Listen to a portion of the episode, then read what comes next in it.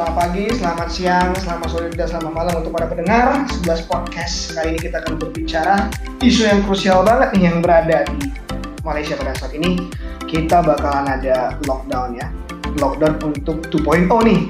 Tapi kayaknya kurang juga kalau kita berbicara sendiri. Kali ini nih untuk pertama kali 11 podcast kita akan ngobrol sekali bertiga dalam bersama bertiga ya. Kenalkan kita ada Fazrin, Yo, what's up? WhatsApp ya, sama Yeah. orang yang pertama kita bahas soal lockdown dengan working from home. Faiz, Hai, jumpa lagi Zul eh. jumpa lagi ya, jumpa Bang. lagi. Oke, sekarang kita telah mendengar Perdana Menteri Malaysia mengatakan bahwa ada lockdown ya. Jadi kalau untuk Faiz nih, gimana Faiz? Pandangan tentang lockdown nih Faiz? Okay, lockdown eh. Okay, kita sebagai rakyat Malaysia kita dah mungkin akan menjangka lah benda ni berlaku. Oke. Setelah kita tengok uh, hari demi hari kes Aha. meningkat empat angka dan tidak turun. Oke. So benda ni uh, saya rasa kerajaan mengambil tindakan uh, betul lah. Memang kita nak elakkan uh, bertambahnya kes uh, untuk masa akan datang lah. Betul. Karena yang eh, yang aku lihat juga nih, Boh, dia pada awal Januari nih, first of Januari dia 2000 lebih. Sampai sekarang 2400. Pernah meningkat 2007 ya, dua hari sebelumnya. Betul tanggal 8 hari bulan. Jadi ini gimana ini eh, Fazrin kalau dari sektor untuk perniagaan nih Mas? Karena kan orang kalau berbisnis kalau kita lihat bahkan di Pineng pun mereka sangat berharap tidak ada lockdown karena pendapatan mereka sangat susah pada saat itu. Okey, tak perlu tengok jauh-jauh lah. Oke. Dekat bahagian tempat kita pun ada juga kawasan yang peniaga-peniaga kecil Oke. takut dengan isu Oke. berkenaan dengan lockdown ni. Kenapa? Disebabkan oleh tiada gaji. Tiada gaji. Tiada gaji. Itu adalah isu utama dia lah. Oke. Cuman kalau aku tanya ke kau nih Faz, Hmm. apakah lockdown ini memang akan menutup pintu perniagaan atau mungkin ada cara lainnya? Jangan risau. Se- selagi ada jalan, Oke. Nampak tak? Aku dah tersalah sebenarnya. Tapi tak apa. Kita cuba betulkan balik lah. Menarik. So, Ah. selagi ada jalan ya. Selagi ada jalan, kita jalankan bisnes kita. Selagi ada jalan ya. Dia macam ada umpama dekat dalam satu cerita ni tapi aku lupa ayat tu. Uh-huh. Tapi tak apa.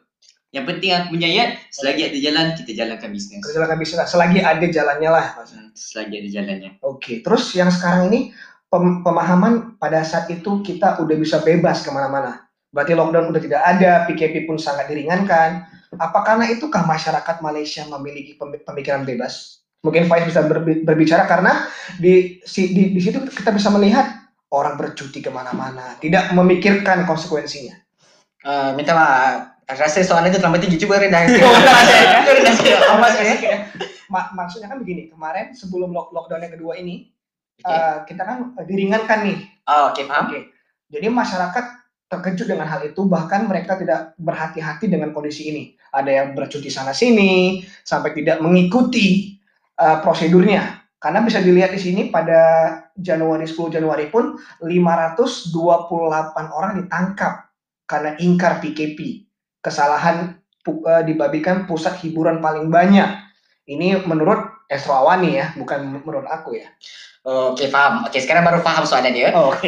Okey, okey macam ni. Uh, okey, kita faham. Okey, bila kita di macam dihadkan pergerakan kita ataupun dihadkan apa semua perbuatan kita, Oke. kita rasa macam uh, tahu ceret lah ceret bila kita bakar kita masak air tu dia makin lama makin uh, mengembang dan dia Aha. akan berbunyi dia rasa macam ada satu yang kita nak kita nak buat Wow. so benda tu okey bila kita diberikan kelonggaran sikit so orang akan fikir benda tu dah selamat. Tapi sebenarnya belum lagi. Kita masih lagi dipengaruhi COVID-19 so orang lupa lah. Mungkin lo lupa yang kita masih belum bebas. So orang tak amalkan apalah uh, Pakai apa yang face mask. KKM lah Ah, ah, KKM yang seharusnya ya. betul betul Kalau kau Faiz gimana pendapat kau? Setuju sama Fa- eh, Faiz atau beda? Macam Faiz dia cakap pasal ceret. Aha. Okey. Macam aku, aku tak ada umpama benda tu Oh, ada Aku tak reti. Aku tak reti. Tapi itulah masalah dia sekarang adalah SOP. Oke. Kenapa tuh?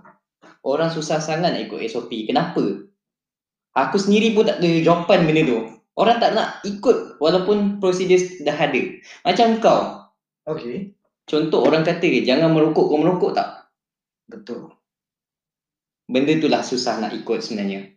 Sebab itulah masalah di negara kita sekarang. Susah untuk ikut SOP. So jawapan aku dengan Faiz tak jauh beza cuma aku translatekan sikit je. Translatekan saja Ah. lebih mudah ya. Lebih mudah. Untuk difahami. Copy paste. Jadi apakah masalah mentality masyarakat nih atau kesadaran dirinya? Siapa Ya. yang bisa jawab nih? Ah, okey ah, ini pendapat saya lah kan. Kalau Okey. betul dapat coklat. Coklat apa Cadbury? Cadbury ya. Okey, uh, kalau pendapat saya, okey sebab benda ni sepatutnya dia jadi norma baru seperti uh, ki- kita buat hari tu, norma baru. Oke. So benda ni uh, faham kita perlu ada keperluan untuk uh, melancong, berhi, uh, berhibur, tapi kita dah sebut sebab kita faham kalau ada statistik yang mengatakan disebabkan uh, perintah berkurung ni Aha. uh, me- mental uh, breakdown berlaku dan Ya. banyak uh, ada kes perceraian, ada kes bunuh diri meningkat. So uh, kebanyakan orang akan kemurungan disebabkan orang dalam satu kurungan tak bebas. Okay? Mhm. So kita faham sebab itu kerajaan membenarkan bebaskan sedikit kelonggaran. Tetapi kita kena ingat untuk mengelakkan benda itu berulang, Aha. kita kena mematuhi SOP. Itu pendapat saya lah. Pendapatnya. Ah. Kalau ini Fazlin gimana? Apakah mental mereka atau memang apa Fazlin? Pendapat. Okey, macam ni. Sebelum tu Joe, Nah. boleh tak aku minta satu benda Mhm. yang mana ulang balik soalan tadi. dia macam lost kejap Oh, tadi dia tu. terus Ah. so kita apa? Maksudnya semakin uh, ringannya uh, SOP tersebut, semakin banyaknya orang yang kena penyakit COVID ini bertambahnya. Hmm. Apakah karena memang mental mereka atau pemahaman mereka yang kurang dari segi uh, COVID ini? Karena kan biasanya, oh kita udah diringankan nih, boleh uh, traveling, boleh ke mana-mana. Padahal uh, dari pemerintah Malaysia pun mengatakan itu hanya untuk sedikit sahaja. Tapi mereka trip ke mana-mana. Apakah memang mindset mereka seperti itu? Bos? Okey, kalau ikutkan benda ni, kalau nak katakan mindset memang betul lah. Kita boleh cakap mindset. Ha. Tapi dah setahun. Betul. Dah cukup setahun dah. Maknanya kalau mindset tu boleh kita kita boleh ubah mindset kita sebenarnya. Cuma biasalah orang kita. Menurut aku lah, menurut aku. Boleh, boleh, boleh. Menurut kau Dia gimana? macam orang sangat susah nak ikut SOP ni adalah disebabkan mentality dan mindset yang ada pada diri seseorang tersebut. Yang mana ego. Dia ego untuk ikut arahan. Okey. Dia sangat susah untuk ikut arahan yang ditetapkan oleh kerajaan sendiri. Hmm. Dan dia menyalahkan orang lain yang mana tak ikut arahan. Tapi walhal dia sendiri pun tak ikut arahan tersebut. Banyak Dan benda yang itu yang banyak berlaku sekarang. banyak orang juga belum pakai uh, mask, dia berdekatan, ada orang tak peduli dengan scan untuk barcode kemana-mana. Betul. Kita tidak berkata ras ya, kita berkata warga Malaysia, berarti semuanya. dong. Ya. Jadi ini kalau sekarang nih, katanya mulai hari Rabu nih, ada penghambatan, maksudnya tidak boleh keluar daripada area tersebut. Apa kira-kira yang kalian rasakan? Apakah ada masalah di situ? Atau itu lebih bagus? Siapa dulu yang mau jawab? Faiz mungkin boleh jawab dulu? Okey, uh, seperti yang saya bagi tahu mula-mula tadi, okey, uh, tindakan Perdana Menteri kita uh, untuk melaksanakan semula PKP tapi bukan untuk semua negeri lah. Ya. Ada certain negeri yang uh, ada PKP. Hmm. Sebab kenapa negeri tu? Sebab dia mencatatkan angka yang tinggi Ya. dan kapasiti hospital pun penuh. So makin lama kat mana diorang nak letak ni? Kalau uh, banyak yang tambah kan. Oke. Okay, so sekarang ni kalau ikut pro dan cons. Okay, kalau pro-nya, okay, dia membantu meringankan uh, anggota KKM dan kerajaan Mhm. untuk memantau uh, pesakit KK, uh, COVID itu sendirilah. Betul. So dapat, dia orang dapat fokus. Ha. Uh, dari segi cons punya pula, okay, dari segi cons dari segi perniagaan lah seperti yang uh, Ucup kata tadi. Ha. Perniagaan kecil, dia Betul. mengambil kur- kerugian sebab dia orang memerlukan pelanggan untuk datang. Dia tetapi kalau benda ni uh, sekarang ni ada teknologi mudah seperti uh, macam-macam lah seperti Shopee ada, Lazada ada, Dalam move ada. ah, dalam move ada itu Hmm. kita boleh mencubalah sebab sekarang ni zaman moden kan. Iya. Itu itu pendapat saya lah berkaitan dengan PKP baru ni. Video baru. Kalau uh, Fas gimana Fas? Kalau Oke. saya border ditutup nih sangat oke ke atau tak oke ke atau macam mana? Okey, kita ikut kita tengok statistik pada hari ni lah. Hmm. Yang mana kes baru pun dah 2232. Pada hari ini ya Pada tanggal hari ini. 11. Ya, dan total jumlah kes yang masih aktif 28,000. Nak dekat hampir 29,000 lah sekarang. Jadi kalau ikutkan aku lah memang sewajarnya PKP ni dikuat kuasakan. Dia kuat-kuasakan. Uh-huh. Karena menurut uh, Perdana Menteri juga dia melihat fokusnya maksudnya apa yang kemungkinan terjadi kalau tidak ada lockdown akan naik ke hingga 6.000, 7.000 ke 8.000 pada bulan Mac. Apakah kalian sangat merasa setuju dengan hal ini? Betul, setuju. Tapi ini ada yang aku ingin tanyakan lagi nih. Pada saat yang tadi Faiz uh, cerita bahwa rumah sakit pack nih, penuh banget nih. Kira-kira kalian ada satu ide nggak atau ide yang bagaimana untuk mengurangi rumah sakit yang begitu crowded? Aku dulu eh. Oke, boleh Faiz. Okay. Gimana? Ni first time aku nak masuk dulu. Ah, boleh. Selalu Faiz dulu. Boleh, boleh. sila, sila, Boleh, boleh. Sila. Okey, macam ni. Kalau untuk uh, berkenaan dengan isu yang hospital penuh sekarang. Aha. Sekarang ni um, apa yang aku sendiri dapat info lah. Bukan info maksudnya yang aku dengar-dengar lah dasar-desus kan. Yang mana yang masih um, dirawat ataupun tidak ada gejala yang teruk Mhm. um, dinasihatkan untuk kuarantin sahaja di rumah. Di rumah. Uh, macam sekiranya ada gejala yang melibatkan macam sakit-sakit yang kronik ke apa baru ditempatkan di hospital. Sebab apa?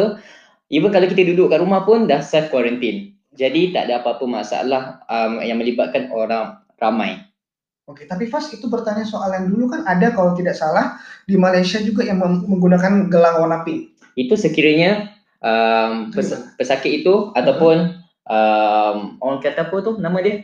Eh, apa? Yang daripada luar negara Okey. yang balik ke Malaysia Oh. ataupun daripada Sabah yang balik ke Malaysia uh, balik ke Semenanjung Yang dua minggu karantina yang ah dia maksudnya. kena quarantine. Itu yang kita guna yang pink lah Yang apa pink yang tu. tahulah. Oke, Kalau Faiz gimana? Okey, untuk mengelakkan apa jumlah kapasiti tu bertambah lah kan. Oke. Okey, uh, sebenarnya untuk pihak kerajaan dia banyak memperuntukkan lah seperti seperti saya tahu dapat tahu daripada awal ni yang Pulau Pinang sedia menyediakan uh, sekolah untuk disebagaikan tempat uh, kuarantin lah dan banyak seperti universiti menawarkan dewan seperti MIPS uh, menawarkan dewan. Betul. Ah, Okey, so uh, itu apa tindakan kerajaan tetapi Pak kata pepatah Melayu. Okey. Oke. Teringang-ingang kat telinga saya ni. Oh, pepatah Melayu. Ah. Silakan. Okey, iaitu mencegah lebih baik daripada merawat. Faham? So bila kita mencegah benda ni, so tak adalah rawatan, tak adalah tempat yang kita nak perlukan. So yang penting diri sendiri. Itu saja. Yang penting diri sendiri ya. Kita Hmm. harus jaga limitnya ya. Betul. Jadi ini yang terakhir nih untuk pertanyaannya bahwa enam negeri Pulau Pinang, Selangor, wilayah Persekutuan, Putrajaya dan Labuan, Melaka, Johor dan Sabah. Ini adalah kota-kota besar. Dan kita bisa lihat kota kecil tidak terkena banyak pada saat ini. Kenapakah kota besar sangat ter- terinfek dengan hal ini? Ada yang bisa jawab dulu nih? Okey. Kalau kita tahulah dari segi kenapa kota-kota besar Hmm. yang paling efek. Okey. Seperti kita tahu Kuala Lumpur, Selangor, uh, Pulau Pinang. Okey, itu adalah pusat-pusat uh, bandaraya dan ramai macam buat bisnes, uh, berinteraksi di situ. Oke. So bila okey, mula-mula kita dapat masa PKP pertama, uh, kerajaan dapat membendung benda ni. Iya. Tetapi bila datangnya wave yang kedua.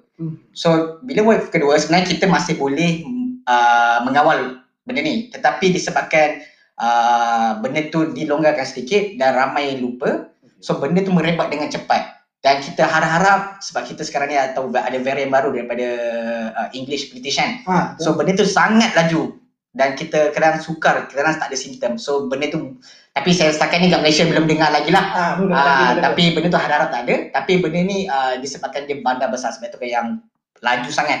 laju sangat di Hmm. increase naik tuh laju Ya, sangat kan. Betul. Kalau kau Fas gimana pendapat lu? Sama je pandangan aku dengan Faiz. Um, negara, negeri-negeri bandar ni macam contohnya Kuala Lumpur apa semua ni dia lebih macam yang kau katalah lebih terkesan adalah disebabkan orang-orang di luar bandar datang ke bandar untuk bekerja kan. So bila ramai berkumpul di satu tempat lagi senanglah benda tu berlaku. Iaitu COVID tersebutlah ataupun gejala uh, penyakit tersebut. Oke. So maksud aku dia punya masalah ni tak akan boleh selesai sehingga tiada vaksin ataupun self um, penjagaan diri sendiri tu. Oke. Tapi kita berbicara vaksin tuh ya. Hmm. dia sedang diproses dari semua negara. Aku dengar Indonesia, ada ada Brit, ada England, ada Singapura dan lain-lain telah mendapatkan vaksin tersebut. Berapa lamakah vaksin itu bisa kita pastikan kalau kita bisa menggunakannya? Okey, kalau berkenaan dengan vaksin, aku sendiri pun tak dapat nak jangka lah sebab itu adalah tugas daripada uh, kita punya daripada hospital-hospital yang ada di dunia ni di Malaysia kan? ataupun di negara-negara yang lain lah. Jadi benda-benda macam sensitif macam ni aku tak berani nak masuk campur sebab yalah benda tu pun baru baru betul, baru sampai. dan kita pun tak tahu apa dia punya kebaikan dan keburukan dia. So buat masa sekarang kita watch and see. Watch Kalau and see ya. Wah, Oke. menarik. Oke, Tan Sri, kalau Tan Sri gimana nih? Okey, vaksin ya. Okey, vaksin ni okey kalau dari dulu memang vaksin ni orang tunggulah untuk macam kita untuk mencegah penyakit kebanyakan ada vaksin. Cumanya okey disebabkan vaksin ni agak baru dan penyakit ni pun berbahaya. Jadi kita seperti Fa, uh, Faz kata tadi lah kan, Okey. kita tak tahu apa efeknya kepada kita. Sebab ada yang okey, ada yang tak okey sebab masing-masing ada imunisasi yang berbeza. Iya. So mungkin ada tidak balas yang lain lah. Hmm. So tak apa sebab kita kebanyakan uh, mengikut result yang orang kata okey, kita harap-harap, kita berdoa lah harap vaksin ni sebagai penawar lah. Penawar lah dalam Iya, waktu terdekat atau atau lambat pun dia ya. Betul. Dan udah fix hari Rabu pada tanggal 13 kita bermulai dengan MCO yang kedua dan sampai pada tanggal 26 ya. Betul, betul. Oke, jadi untuk penghujung akhir nih. Guys, are you ready for this Ini MCO? aku tunggu sebenarnya. So kita mulai. What is your wish atau apa yang diharapkan untuk masyarakat Malaysia pendengar 11 podcast ini? Siapa dulu mau mulai? Faiz, silakan. Okey ah, ucapan saya lah. Okey, sem- uh, untuk 13 hari bulan 13 kan? Iya, selalu. Oh, sorry, sorry, lupa. Okey, untuk 13 hari bulan ni, okey, uh, harap rakyat Malaysia harap bersabar sebab ini mungkin dugaan kita. Okey, harap-harap dengan hanya setakat 2 minggu sajalah. So, harap mereka mematuhi semua apa yang kerajaan suruh supaya dengan 2 minggu ni pun dah mencukupi untuk supaya the next after 2 weeks kita boleh bekerja seperti biasa. Harap-harap begitu. Jika dipatuhi ya. Ya betul. Kalau pas, Okey, nasihat aku adalah yang pertama. Kita ada banyak ni Oh, banyak, nasihat-nasihat ni sebenarnya tapi aku cuba pendekkan lah. boleh boleh. nasihat pertama, jaga panic buying. Jangan sesekali panic buying sebab makanan kita tak terputus lagi masa sekarang. Yang kedua, pastikan semua keperluan mencukupi di rumah. Dan yang ketiga, Netflix and chill. Netflix yang penting ya. Yes, sangat penting. Oke, jadi terima kasih nih untuk Fazri dengan Faizal waktunya dan guys, overall dari keseluruhannya bahwa jauhilah kesesakan di pada saat ini, stay at home, bersabar dan teruskan hidup mau itu bisnis apa pun yang anda lakukan, cobalah ikuti peraturan SOP daripada pemerintah yang ditentukan oleh Malaysia. Semoga MCO yang kedua ini berguna untuk kita semua untuk lebih mengenali diri kita lagi ya. Dan untuk pendengarnya, terima kasih guys dan see you later. Bye.